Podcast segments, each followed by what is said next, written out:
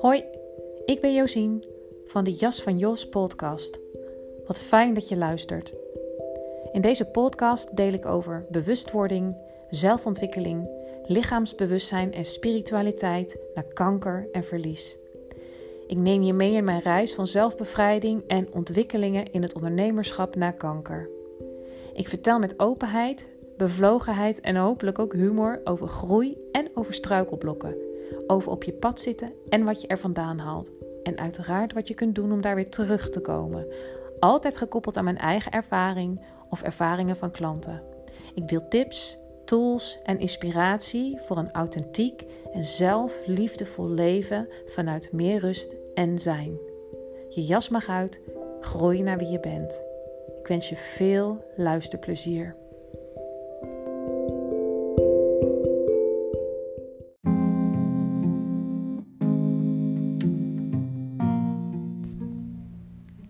Hoi, goedemorgen.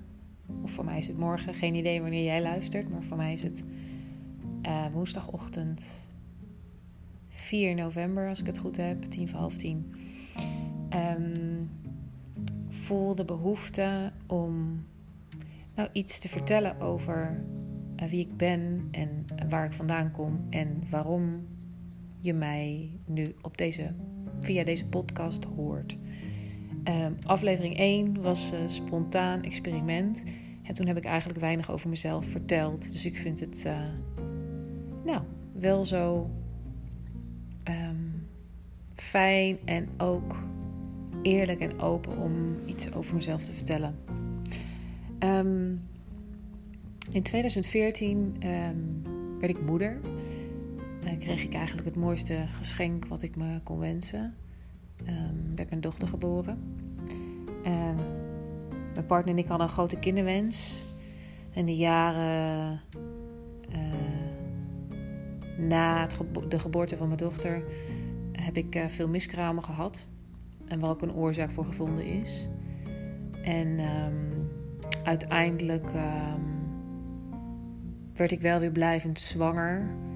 Maar zijn wij onze zoon in de 24e week van de zwangerschap verloren. Um, ik zie dat wel als een van de meest traumatische ervaringen in mijn leven. Um, dat ik afscheid moest nemen van iets wat zo gewenst was. Um, en exact een jaar later, nadat wij al uh, meerdere IVF-pogingen gedaan hadden, kreeg ik ernstige bloedingen en bleek ik baarmoederhalskanker te hebben in een gevorderd stadium. Ik ben nu ondertussen een aantal jaar verder en um, ik kan je zeggen dat, ja, ik, ik kijk eigenlijk naar mijn leven van voor de kanker en na de kanker. Ik heb het krijgen van kanker heel erg ervaren als uh, radicaal tot stilstand gedwongen worden. Um, omdat ik weigerde dat, dat te doen, terwijl ik de signalen wel kreeg. En daarmee bedoel ik absoluut niet dat ik kanker over mezelf heb afgeroepen, maar wel dat ik eigenlijk heel lang enkel vanuit mijn hoofd heb geleefd. En de signalen die ik kreeg, en die waren er ook wel degelijk, zeker als ik daar vanaf, vanaf dit punt op terugkijk, um, die signalen heb ik genegeerd. En um, drie jaar geleden om deze tijd zat ik in de wachtmaanden naar de behandeling um, van baarmoederhalskanker. En dat was een ongelooflijk moeilijke tijd, omdat ik niet wist: overleef ik dit, ja of nee? Um, toen uiteindelijk het verlossende woord kwam van: oké, je bent op dit moment in remissie. Toen was er natuurlijk opluchting.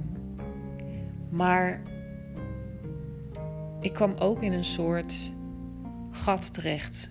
Ze noemen het ook wel eens het zwarte kankergat.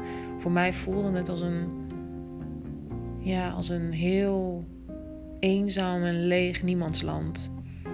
Alsof ik eigenlijk geen fundament meer had, omdat ik heel erg voelde um, terugkijken tot mijn leven dat was eigenlijk, dat, dat gevoel kwam in die wachtmaan toen ik nog niet wist of, of ik beter zou worden of niet. Beter zou worden, of ik het zou overleven of niet. Zo van, ik heb mijn leven eigenlijk nooit geleefd in lijn met wie ik werkelijk ben. Mijn verlangens genegeerd. Ik heb de signalen van mijn lichaam genegeerd. Er is eigenlijk weinig over van wie ik ja, in essentie ben. Het creatieve kind dat ik was, dat zong en toneel speelde. Dichtbaar gevoel stond. Ehm, daar voelde ik eigenlijk weinig van. En dat werd heel erg voelbaar op het moment dat ik in remissie werd verklaard. En eigenlijk een soort vrijbrief kreeg van nou, je bent weer vrij om uh, verder te leven. Maar ik wist bij God niet hoe. En dat riep een soort existentiële angst in mij op. Um, en tegelijkertijd voelde ik aan de andere kant ook een heel sterk verlangen aan mij trekken. En dat verlangen, ja, ik deelde daar eigenlijk gisteren in de, in de eerste aflevering ook al over. Het was, het was ook het gevoel van moeiteloosheid waar ik enorm naar verlangde. En um, dat, het, dat het leven vloeiend mag gaan. Niet dat er geen moeilijkheden mogen zijn, maar dat het niet zo'n lijdensweg is. En ik voelde ook de behoefte heel sterk aan een liefdevolle relatie met mezelf en vanuit daar met de mensen om mij heen en met de wereld. Um, dus het was eigenlijk een hele vreemde ervaring. Door aan de ene kant te voelen dat ik in een soort niemandsland was, helemaal alleen. En tegelijkertijd heel sterk dat verlangen aan me voelde trekken. Um, ja, vanaf dat moment vonden er eigenlijk allerlei ja, schijnbaar toevalligheden, schijnbare toevalligheden in mijn leven plaats. En uiteindelijk kwam ook zijnsoriëntatie in mijn leven. Um, en ja, dat heeft mij ongelooflijk veel gebracht. Namelijk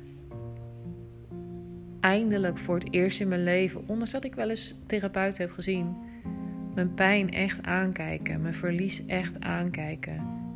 Weerstand voelen tot bijna kotsens aan toe.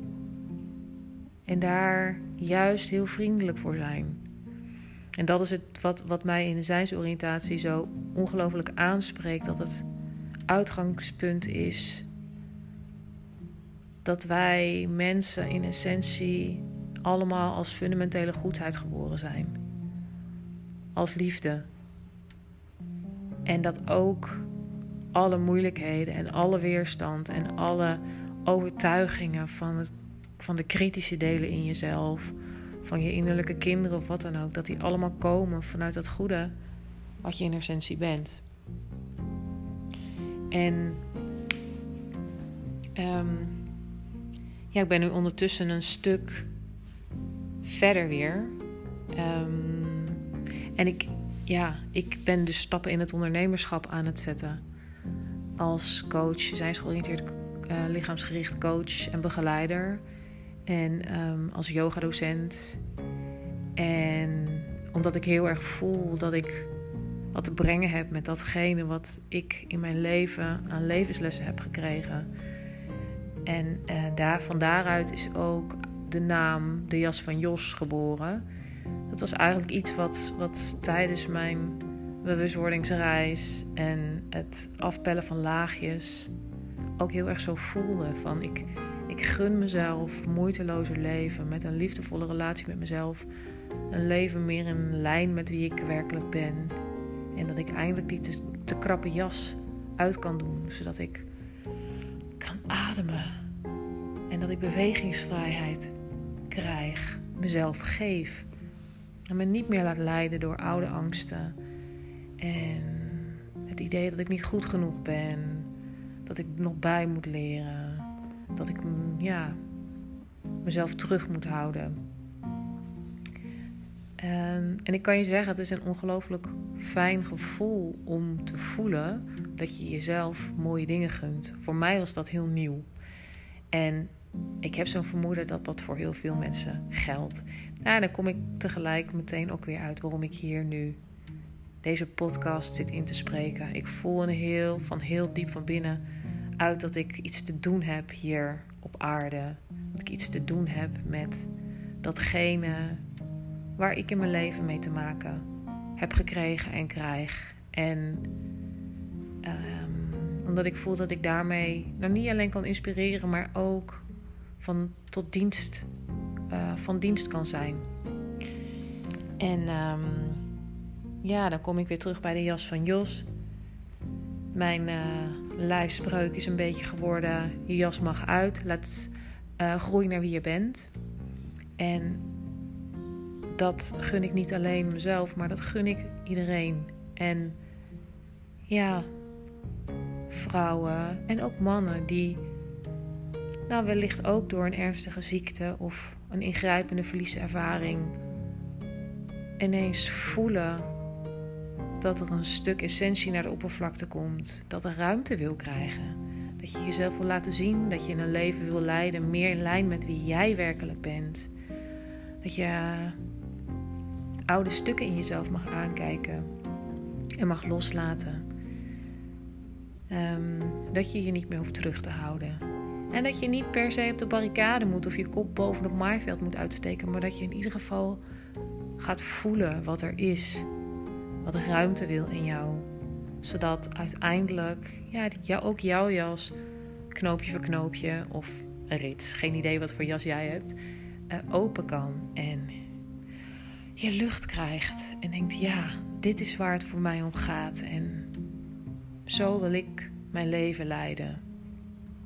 Ehm, dus uh, nou, dat is een klein stukje, uh, eigenlijk in een notendop van, van mijn, um, mijn reis naar, nou ja, dit moment van het opnemen van deze podcast omdat ik enorm sterk voel dat ik wil bijdragen aan een bewustere wereld.